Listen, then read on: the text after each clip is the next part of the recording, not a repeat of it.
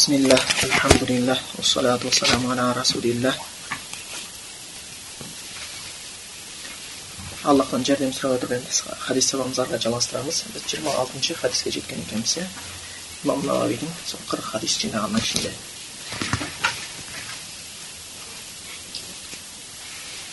бұл хадис енді әби хуран рауат етілген екен бірінші мәтінін бір оқып өтейік одан кейін алла қаласа түсіндірмесіне кірісерміз عن أبي هريرة رضي الله عنه أبي هريرة rivoyat etayotgan allohdan rozi bo'lsin qola qola rasululloh sollallohu alayhi vasallam u kishi payg'ambarimizdan xabarlaydi payg'ambarimiz aytgan ekan allohni u kisiga iyg'lik salom bo'lsin kullu sulama minan nasi alayhi sadaqa odamning bo'yindagi har bir buvun uchun sadaqa mіндет kullu yawmin tatlu fihi shamsu ta'dilu bayna al-ithnayni sadaqa әрбір күн яғни әрбір жаңағы деген күн шыққан әрбір күн деп біледі әрбір күнде екі кісінің арасын жарастырған болатын болсаң екі кісінің арасына әділдік орнатқан болатын болсаң ол садақа болып есептелінеді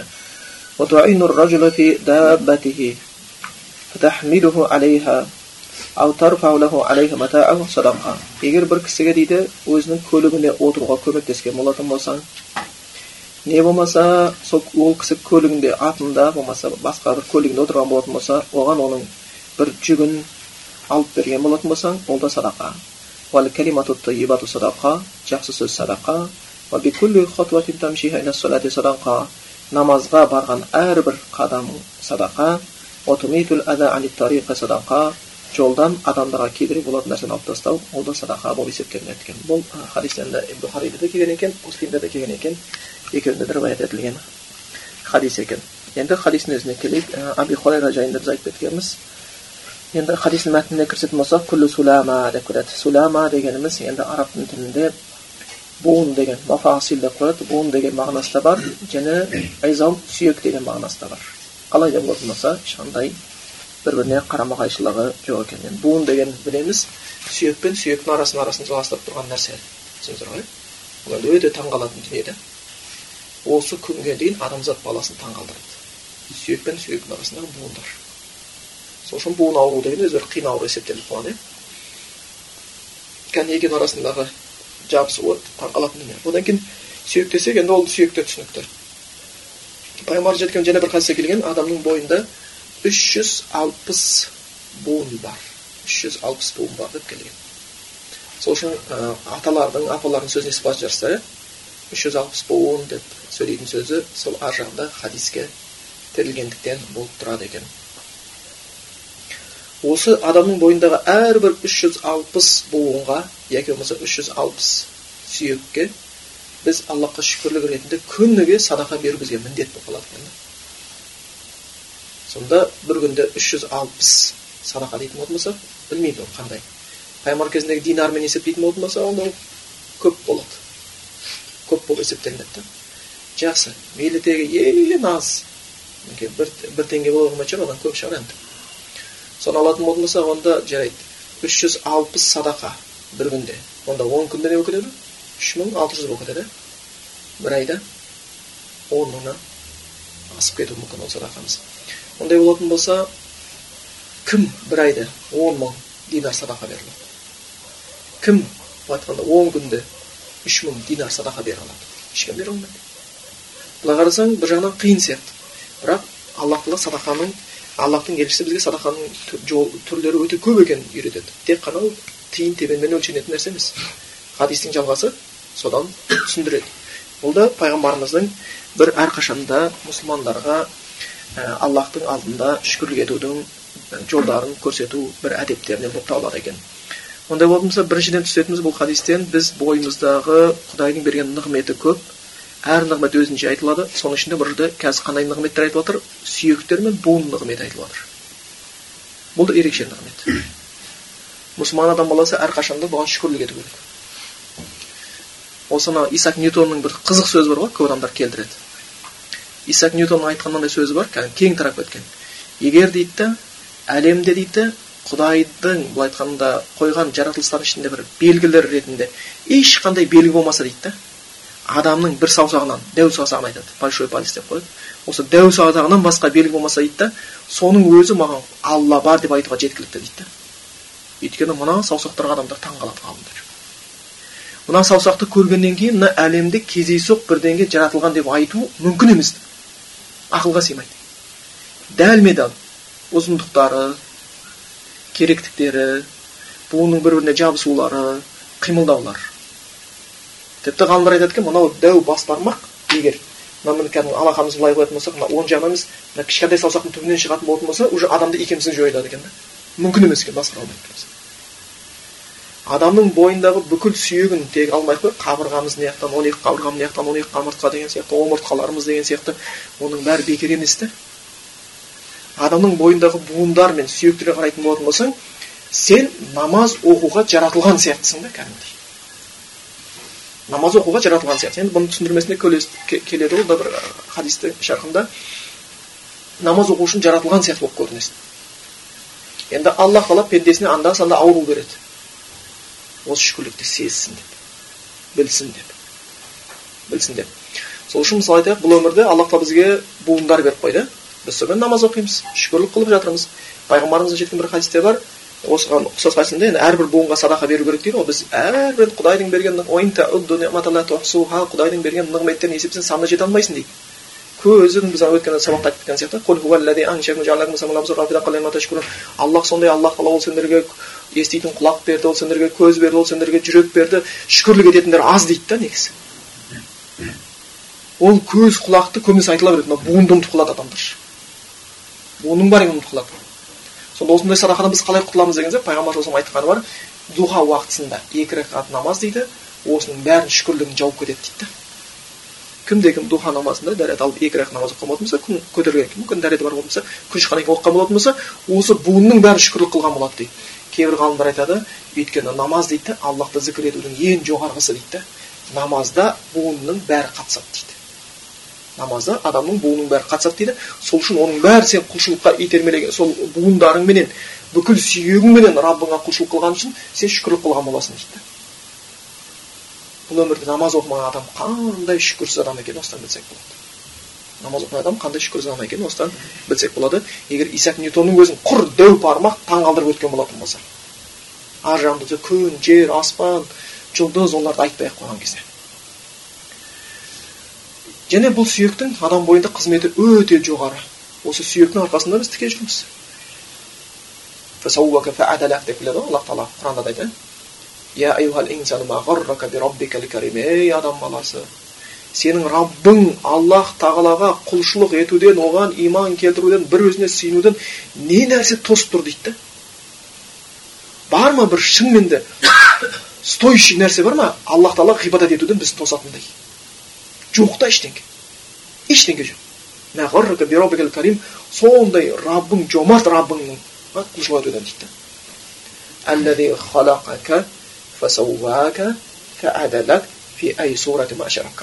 ол сондай аллах тағала сені жаратты.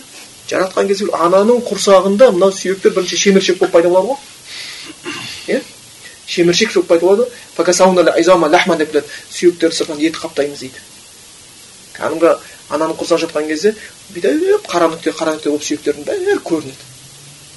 Кәдімгі бір саусақтың ұшының сүйегі қалып кетпейді да дәлме дәл көрінеді бұл аллаһтың үлкен құдіреті ананың құрсағында жатқан кезде ақ сол үшін адам ата мен хауана оларды ең алғаш рет хауанамыз бойына бала көтерген кезде аяғы ауыр болған кезде уже құдайына шүкірлік етіп жатыр. Бала дүниеге келген жоқ. Сол кезде ол не деп айтты олар? Аллах тағала мына баламыз салихан тәпсірде келеді. Сәлиман сап сау. Буынның бәрі түгел сүйегінің бәрі түгел көзі бар құлағы бар адам кейпінде келетін болса біз шүкірлігімізді арттырамыз деді да. Жәннатты көзімен көріп келген адамдар онсында шүкірлік аз емес еді. Бірақ бала кезде шүкірлігімізді арттырамыз деді да. Сол үшін бізде бәріміз келгенбіз сүйектің өзінің қызметі бар осы күйінде тіке жүреміз. Ол бір намаз кезінде бұл үлкен шүкірлік болады. Өйткені құран ғой. Егер сендер кәпір болып кетсеңдер жер бетінде бүкіл адам кәпір болып аллах тағала ешкімге мұқтаж емес. Ол мақтауға лайық дейді біз мұқтажымыз құдайға біз шүкірлік еткіміз келеді да біз шүкірлік еткіміз келеді әйтпесе мына сүйекті бүтін қылып шығарамын десе құдайға қиын емес ал қияметте намаз оқымаған адамдардың буындарын алып азаптайды да алла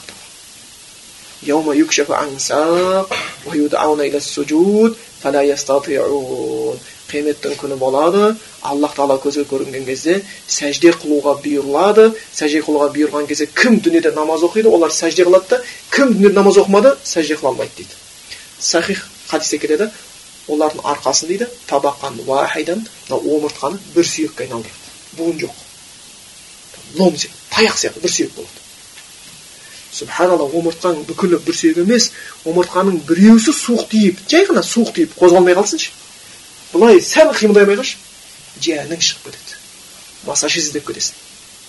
Беліңді белмен иттің несін ба дейсің басқамен ба май жағасың ба? Бәрін орайсың да. Бір белін қисайып қаласың. Дұрыс болмаса алланың алып келген кезде алла сақтасын. О дүниеге барған олардың омыртқасын. Бір сүйек қылып жібереді да құдай тағала. Бұны уже жаза ретінде жеткілікті да. Оларға сәжде қылайын десе олардың белі қақиып көк желкелерімен құлайды. Не үшін деген кезде сендерге дүниеде сәжде қылыңдар деп айтқан сендер ол кезде сәжде қылған жоқсыңдар. Енді сәжделеріңе құдай мұқтаж емес дейді. Сәжделеріңе құдай мұқтаж емес дейді. Бұл өмірде сүріп жатқан кезде мұсылман кәпір бар шығар бұл өмірде сүріп жатқанда күнәһар тақуа адам бар шығар бірақ өлгеннен кейін кәпір мұсылман деген жоқ бәрі мұсылман бірақ пайда бермейді. Бұл дүниеде иман келтірмегендерге иман пайда бермейді. Бұл дүниеде намаз оқымағаннан кейін өлгеннің пайдасы жоқ. Аллах дүниеге қайтаршы ізгі амал істегіміз келеді деген сияқты робби аллах дүниеге қайтаршы ізгі амал істегіміз келеді сөзсіз намазыңды да оқимын зекетімді де беремін қаржымды жасаймын оразамды тұтаймын деп өкіреді дейді жоқ пайдасы бір сөз сөз дейді ешқандай құны жоқ дейді ол көз жастың ол шыңғырғанның ол жалынғанның пайдасы жоқ бірақ қазір деніміз сау кезде алақанға жай алақан жай алаққа дұға қылсақ оның пайдасы бар қазір құдайдан көзімізден аққан бір тамшы жастың пайдасы бар кім жалғыз қалып құдайды ойлап көзінен жас келген болатын болса ертең қияметтің қиын күні басталған кезде ол күні кісі өзінің туған бауырынан әке шешесінен әйел бала шағасынан қашып безіп жатқан кезде ол адам аллахтың аршының саясында болады да нығмет үстінде болады неге өйткені қалған кезде құдайды ойлаған кезде көзінен жас ағып кететін адамда қазір бұл жастың пайдасы бір таш тамшы жастың сені дозақтан құтқаруға пайдасы бар да өлгеннен кейін көзіңнің жасы емес қан ақса да пайдасы жоқ дым пайдасы жоқ жылайсың ба еңірейсің ба ешқандай пайда болмай қалады екен енді бұл жерде буын туралы айтылып жатыр сондықтан бұл буынның нығметі өте көп біздің омыртқамыз біздің қабыртқамыз бұлар жаңағы көптеген қызмет біздің бойымызды тіке ұстауымызға көмектеседі дұрыс па? Екіншіден бұлар біздің денеміздегі кейбір өте маңызды органдарды қорғап тұр да. Мына қабырға болмаса жүрек өкпе деген көп органдардың өмірімізге маңызды органдардың қорғалуы қиын болып қалады. Кәдімгідей. Және де тегі бүкіл сүйекті санамай ақ қояйық бүкіл буынды санамай ақ қояйық. бір алақанда кәдімгі бір алақанда жиырма жеті сүйек болады екен мына бір алақанда. Соның өзінде. Сол үшін бұл қандай қызмет атқарады? бір қолдың жаңағы ньютонның бекерден бекер таңғалып жүрген жоқ үлкен саусақтың өзіне. Мына қолдың қызметі біз өмір сүріп миллион мәрте өмірімізді қорғап қозғап өтеді екенбіз ешқандай ондай нәрсе жоқ екен. Сонша мәрте қозғалған кезде шыдас беретін тозбай шыдас береді соншалықты біз қозғаймыз және қанша нәрсе жасаймыз осы қолмен қалам ұстай аламыз кітап жаза аламыз қолдың саусақ нығметін неғатын кезде аяқ киімді баулы аяқ киім киіп жүрген болсаңыздар бір аяқ киім байлаған кезде ойлаңыздаршы. Ойланбаймыз ғой біреумен қалайсың ей көрінбей кеттің ғой деп бір секундта шарт дегізіп байлап түсіреміз да. Бұны адам істей алады басқа ешкім істей алмайды. Осы сүйектердің осы буындардың арқасында. Егер ол қақиып қақиып тұрса ештеңе істей алмайсың да. Бір аяқ киім бауын бекерден бекер хадисте аяқ киім бауы үзіліп қалса да менен сұра деп аллах бекер айтпайды да. Сол аяқ киім бауын байлап жатқан кезде аллахтың қанша нығметін пайдаланамыз. Қанша пайдаланамыз. Сол үшін құдайдың берген нығметімен құдайға қарсы күнә істеу өте ауыр да. Мына алақан деген құр нәрсе емес? Шынымен қарап тұрсаң бұл кәдімгі адамның сана сезімнің кей кезде ілімнің көтерілуіне көмектеседі дұрыс па мына алақанмен қазір қараймыз да теріні терідей сезінеміз темірді темірдей сезінеміз ағашты ағаштай сезінеміз теріні бұл адамның денесін денедей сезінеміз. Бұл бөлек. Бір алақанмен балаңның басын сипашы қандай жүрегінде қандай сезім пайда болады да қандай сезім пайда болады бірақ балаңның басын кепсермен сипашы қандай не сезім болады аллах осындай бір нығмет беріп қойған болып қалады екен сол үшін бұл жаңағы қолдың өзінде қаншалықты және мынау медицина ғылымында таңғалатын нәрсесі дейді адам дейді бір қолыменен турникке асылып дейді осы буындардың бәрі дейді денесін көтеріп тұрады дейді осы буынның бәрі денесін көтеріп тұрады дейді.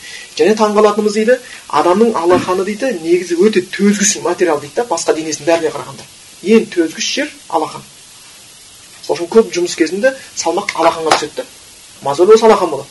Басқа жерге ондай болатын болсаң тез жыртылып тез тозып кетуі мүмкін.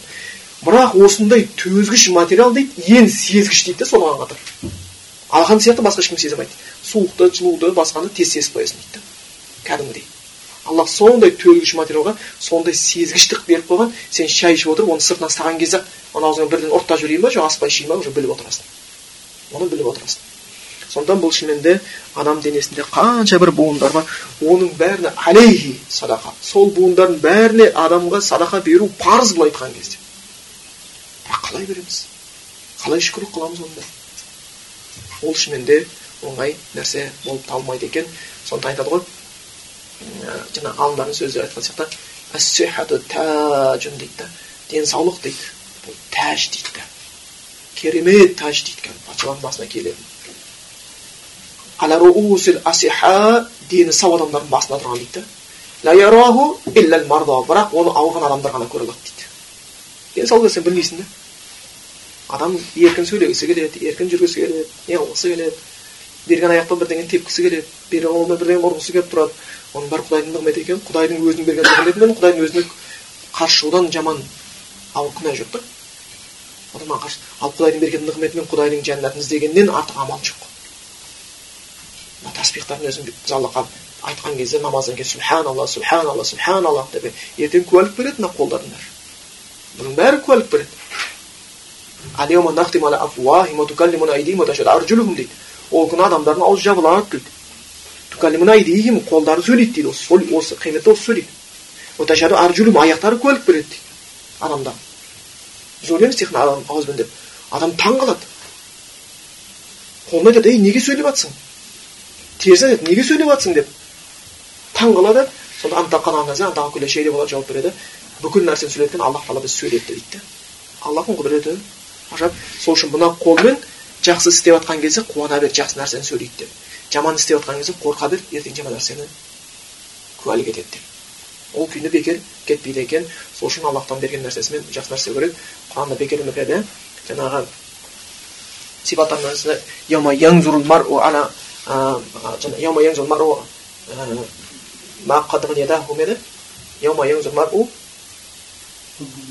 قدمت يداه يقول يا ليت كنت ترابا намаз сүресінде кісі ол күні өзінің қолымен істеген істерін көреді дейді да қол бекер айтылып жатқан жоқ күнәһар болатын болса кәпір не деп айтады топырақ болып кетсем еді дейді топырақ болып кетсем деген біз тәпсірде айтқанымыз сияқты оның бірнеше тәпсірі бар.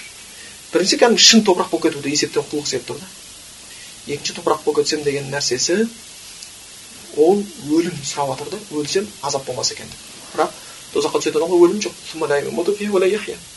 Үшінші топырақ болып кетсем деген себебі аллах тағала жан жануар құстардың аңдардың бір бірінен қасас қылады өткен хақтарын алдырады мүйізі бар қой мүйізі жоқ қой түсірді ма мүйізі жоқ қойға мүйіз беріледі да мүйізі бар қой түседі бәрі хақ салынады адамдарға осыны көрсетіп қояды да адамдар ананы көрген кезде мә жәннатқа кіріп дозаққа түспейтін малдар жануарлар осындай есеп алынған болатын болса біздің жағдайымыз не болады деп зәре шашады одан кейін малдың бәрін топыраққа айналдырады.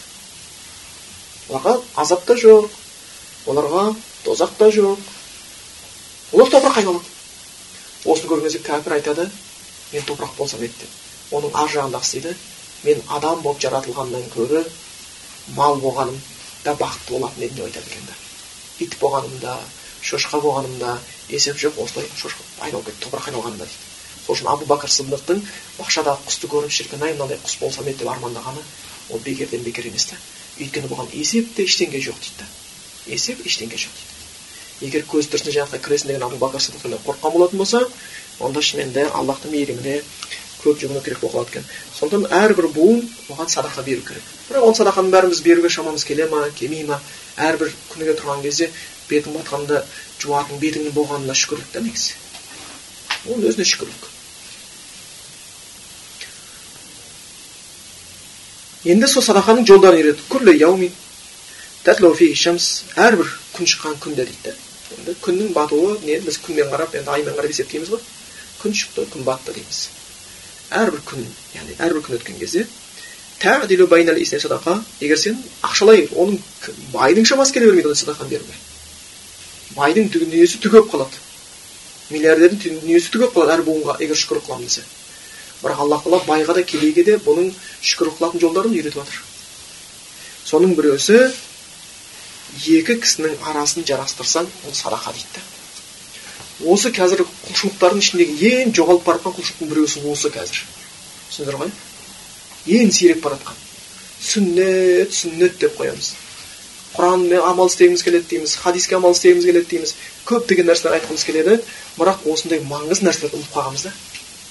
Біз әрқашанда уағалейкум жол болсын біз әрқашанда бір анау бір бір біріміздің жүйкемізге тиетін сүннеттерді іздегенді жақсы көреміз да бірақ бір біріміздің жанымызды қуантатын сүннеттерді ұмытамыз сүннеттердің ішінде және біреусі кісінің арасын жарастыру дос пен достың арасын жарастыру ерлі зайыптылардың арасын жарастыру көршілердің арасын жарастыру татуластыру бұл үлкен сүннет та негізі бұл құранда келген иә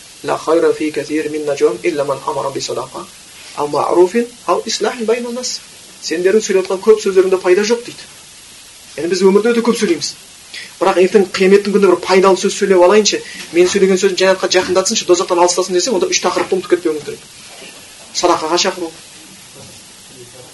одан кейінгісі жақсылыққа шақыру кісілердің арасын жарастыру бұл үлкен нәрсе бұл үлкен нәрсе болып келеді екен. Әке мен бала деген сияқты өйткені біз өмір болғаннан кейін шайтанның жақсы көретін ісінің біреусі араздастыру ұрыстыру. Сонда адам баласы үйрету керек иә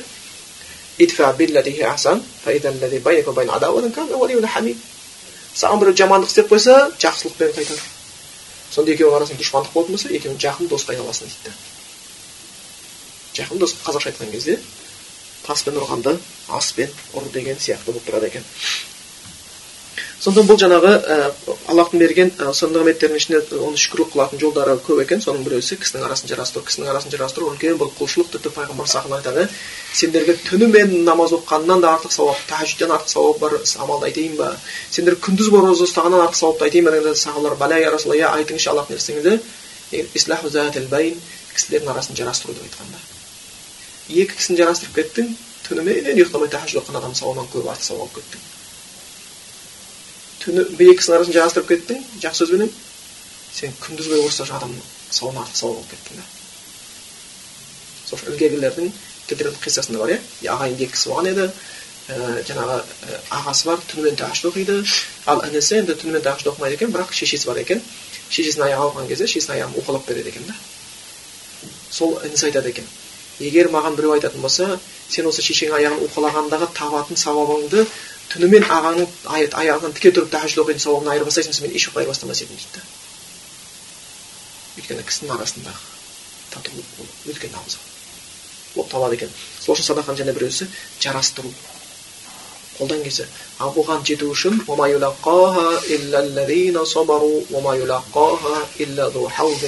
дейді. Ондай нәрсеге жамандыққа жақсылықпен жауап беру екі кісінің жарастыруға дейді. Ол нәрсеге жететіндер шын сабырлылар жетеді дейді да сабырлысың ба сабырсың ба сол кезде белгілі болады сабыр қылатынбыз ғой енді деп қойып емес. Әйелің бір жақпайтын сөз айтып қалды. Шарт етіп бірден ашуланасың ба жоқ өткізіп барып ойланып барып жауап беруге тырысасың ба? Есептей бересің қаншалықты сабырлы сабырлай адам баласы содан белгілі болып қалады екен. Сонда біріншісі кісінің арасын жарастыру. Кісінің арасын жарастыру. Бірақ кісінің арасын жарастыру өзі сүлх. Дейді ғой. Жарастыру өте жақсылық алып келетін дейді. Бірақ жарастыру екі түрлі болады. Бірінші екі ұрысып жатыр екеуін таласып жүресің бірақ та мынандай жағдайлар болады. Екі адам дауласты. Бір мәселеде. Бірін бірін бір қақ кетті ма бір бірі дүниеге таласып қалды ма біреу ә, себепсіз сөз біреудің дүниесін тартып алайын жатыр ма қазының алдына келген болатын болса имам алдына келетін болса ілімі бар адам алдына келіп біздің үкімімізді шешіп бер деп келген болатын болса. Өйткені екеуі бірдей жаңағы дұрыс болуы мүмкін емес қой. Біреуі қателесіп жатыр біреу хақсыз біреудің дүниесін айтып жатыр сонда екеуін татуластырайын деп біреудің хақсын біреуге алып бере салуға болмайды да. Әділетсіз адам ренжіп қалатын болса да әділетті адамға қарай дұрыс шешім беру керек. Бұл да жарастыру ол кезде көңілге қарамайды түсіндіңіздер ғой.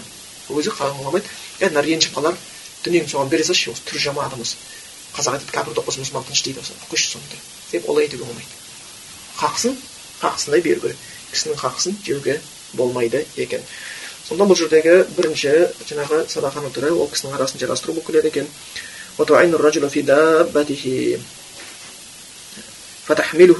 және бір кісіні атына отырғызып жіберсін дабба деген біз ат деп атаймыз негізі дабба деген дейді да жер бетінде жүрген бүкіл нәрсе дабба деген аттан кіреді көбінесе арабтарда бұл даббатун деп атқа жаңағы адам үстінен отыратын түйеге сиырға айтылып кеткен да қашарға айтылып кеткен ал бірақ ол бүкіл нәрсе соған кіреді жер бетінде өмір сүретін жер бетінде қандай тіршілік иесі болмасын оның бәрін рызқысы аллахтың міндетінде деп келеді да аллах береді олардың рызқысын деп келеді сондықтан әрбір жер бетінде бәрін даба бірақ бұл жердегі даба не көлік ат болуы мүмкін ол қашар болуы мүмкін ол есек болуы мүмкін. Соған мінуге көмектесіп жіберсең жас кез адам болса қарғын мінеді. Бірақ қартайған кезде ондай болмайды. Бірақ қарасаң бір қартайған адам атына міне алмай қиналып тұр да. Сол кезде туасың е шіркін ай мынаның да буындары кезінде ой осындай серпіліп тұрды ғой. Қазір қартайып буындарың қой қимылдау аз болып қалыпты мен жаспын мен қазір буындарым ұрып тұр. Мына буындарға шүкірлік қылайын мына бір қарияға көмектесіп жіберейін деп жіберсең сауап жазылып кетеді.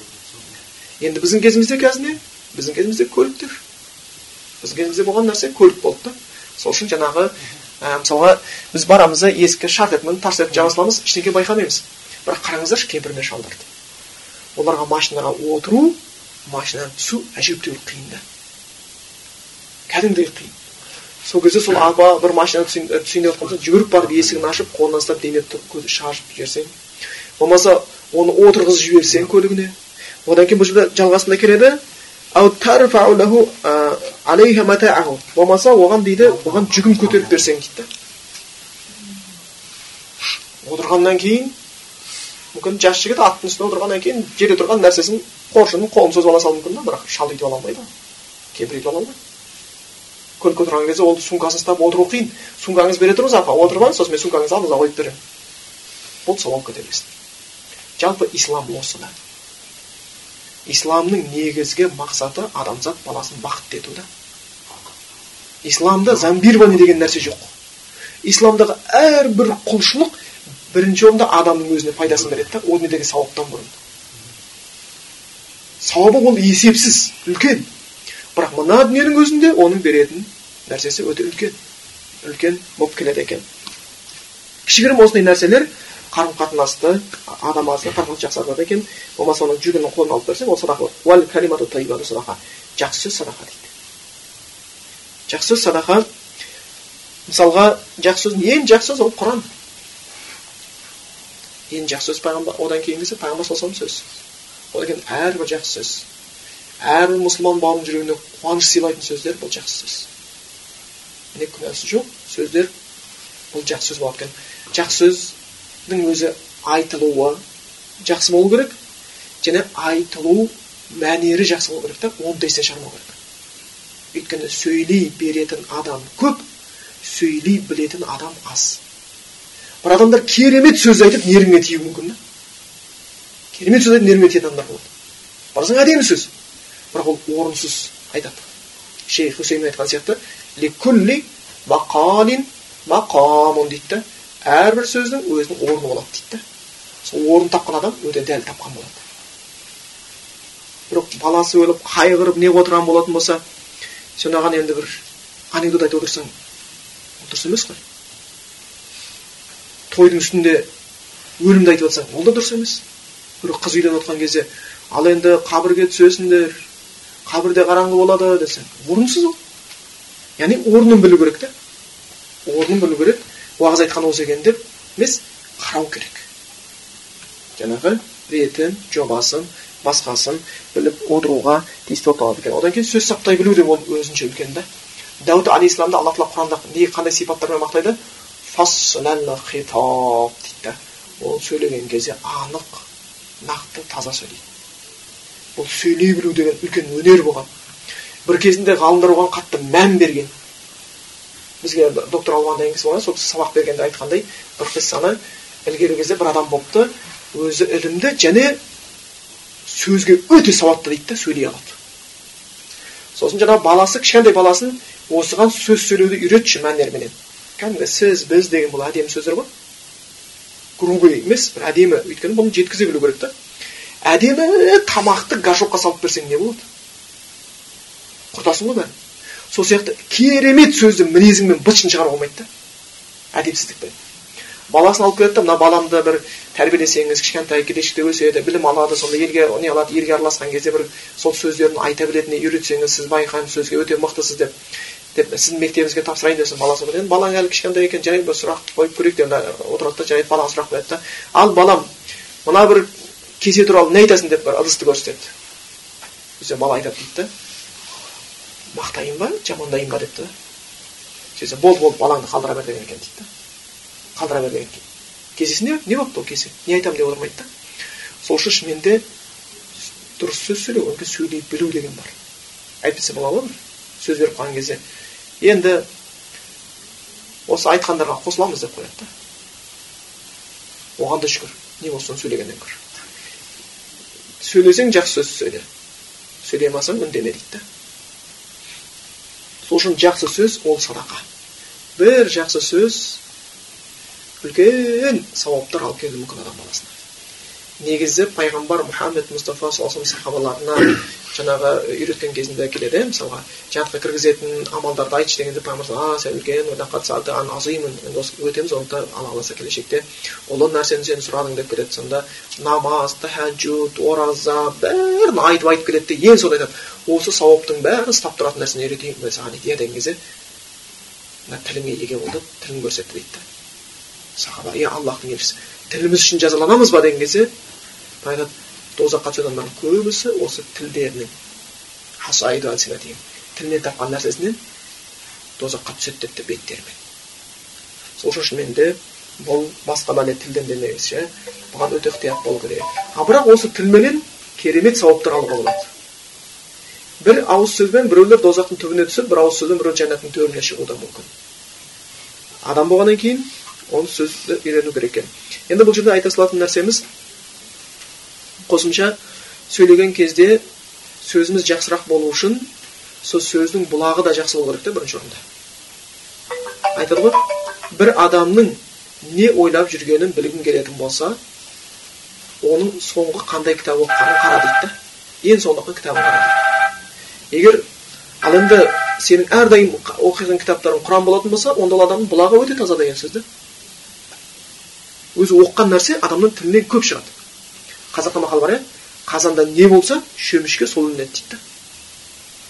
Сенің жүрегіңде не бар миыңда не бар? Сол шығады мына құран хадис толып тұратын болса ол екі екі сөздің бірі құран хадис болып кете береді. Жақсы сөзге толы болса екі сөздің бірі жақсы сөзге толып тұрады. Мына жақта дым болмайтын болса онда екі сөздің бірі әрбір үшінші сөздің бірі ой әкесін ой шешесін болып кете беруі мүмкін да. Яғни оның қазанында сол тұр жүрегінде сол тұр.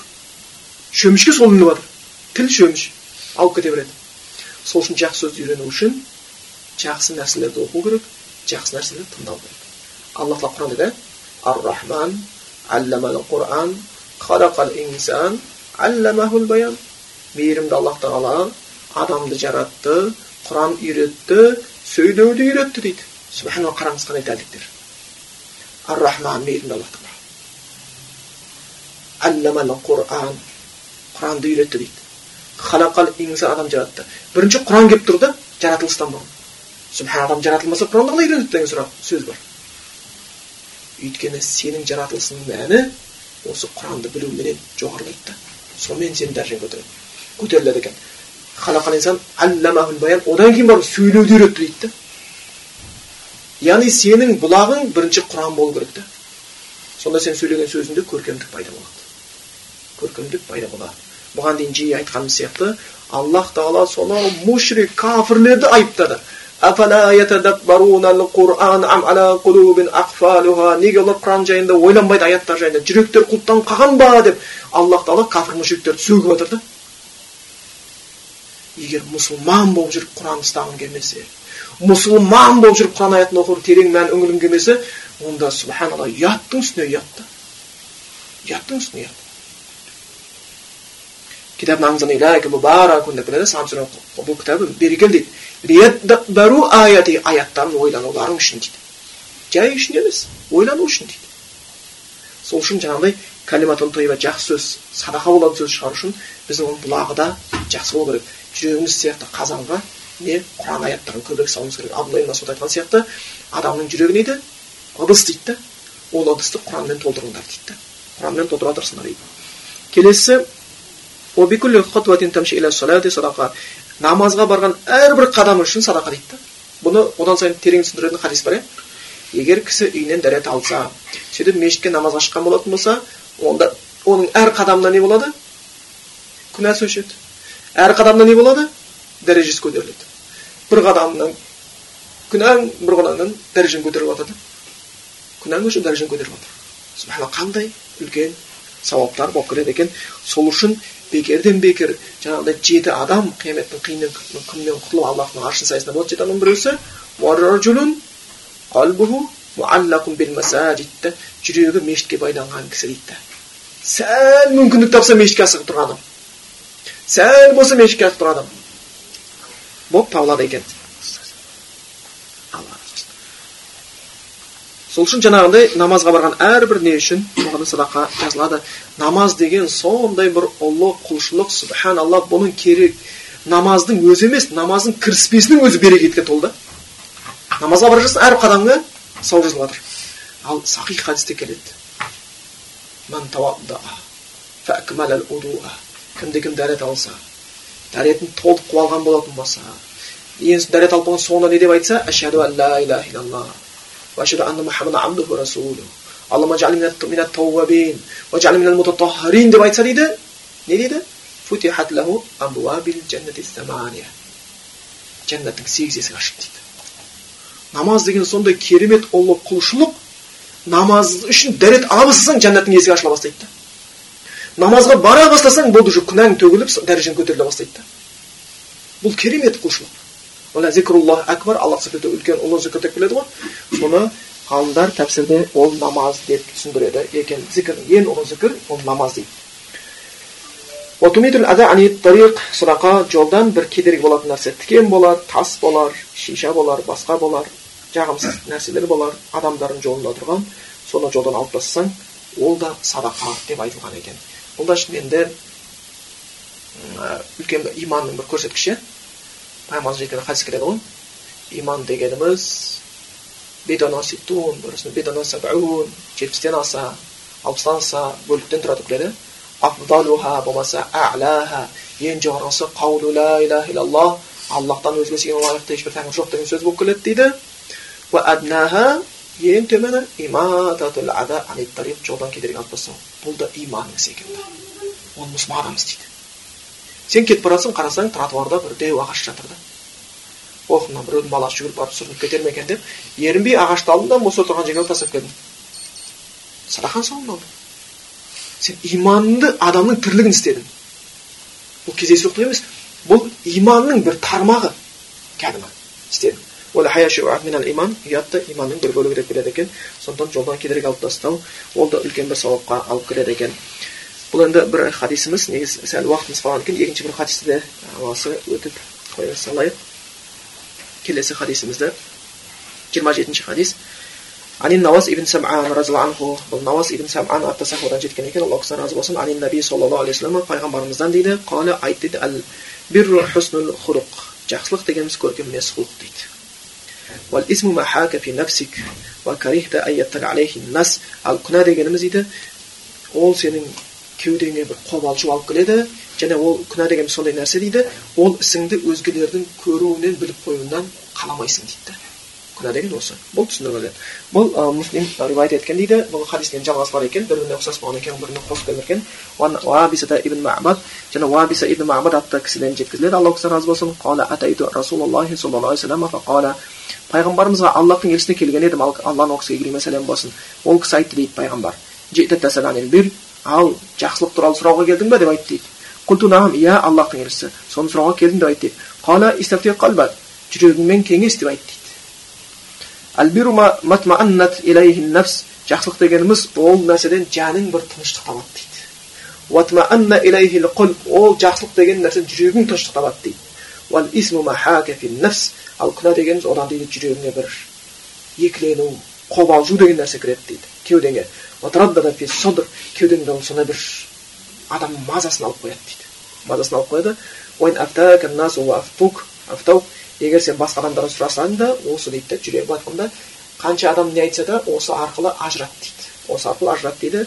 Бұл хадисті енді хасан хадистің қатарына жеткізіпті ә, имам ахмад ә, даримиде сода етілген екен. Енді бұл хадиске кішігірім тоқталып өтейік. Жақсылық дегеніміз көркем мінез құлық дейді.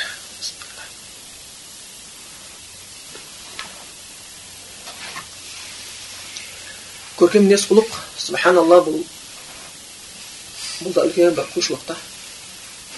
Адамның иманының кәмілдігі оның мінезінің көркемдігімен өлшенеді да біліңіздер. Сенің ілімің ол әлі иманның кәмілдігін көрсетпейді. Түсіндіңіздер ма көркем мінез құлқың ол иманның кәмілдігін көрсетеді. Адам ілімі болып тақуалық жасамаса ол оған пайда беріп жатқан ілім емес имам ғазили өзінің бір кітабында айтқан сияқты қайсы бір ілім дейді сені күнәдан алыстатып құлшылыққа құлшындырмаса біл ол ілім ертең сені тозақтан алыстатып жәннатқа жаққан ілім емес дейді ол тек информация ел отырған кезде бір керемет айтып тастадым ох машалла біледі деген сияқты бірақ ол ілім ілім болады ол жеміс берген кезде түсіндіңіздер ғой? ілім сол кезде ілім болады. Сол үшін не деп айтады? Ғалымдар әл ілму амалин амалы жоқ ілім жемісі жоқ тал дейді. Жемісі жоқ тал жемісі жоқ тал кейін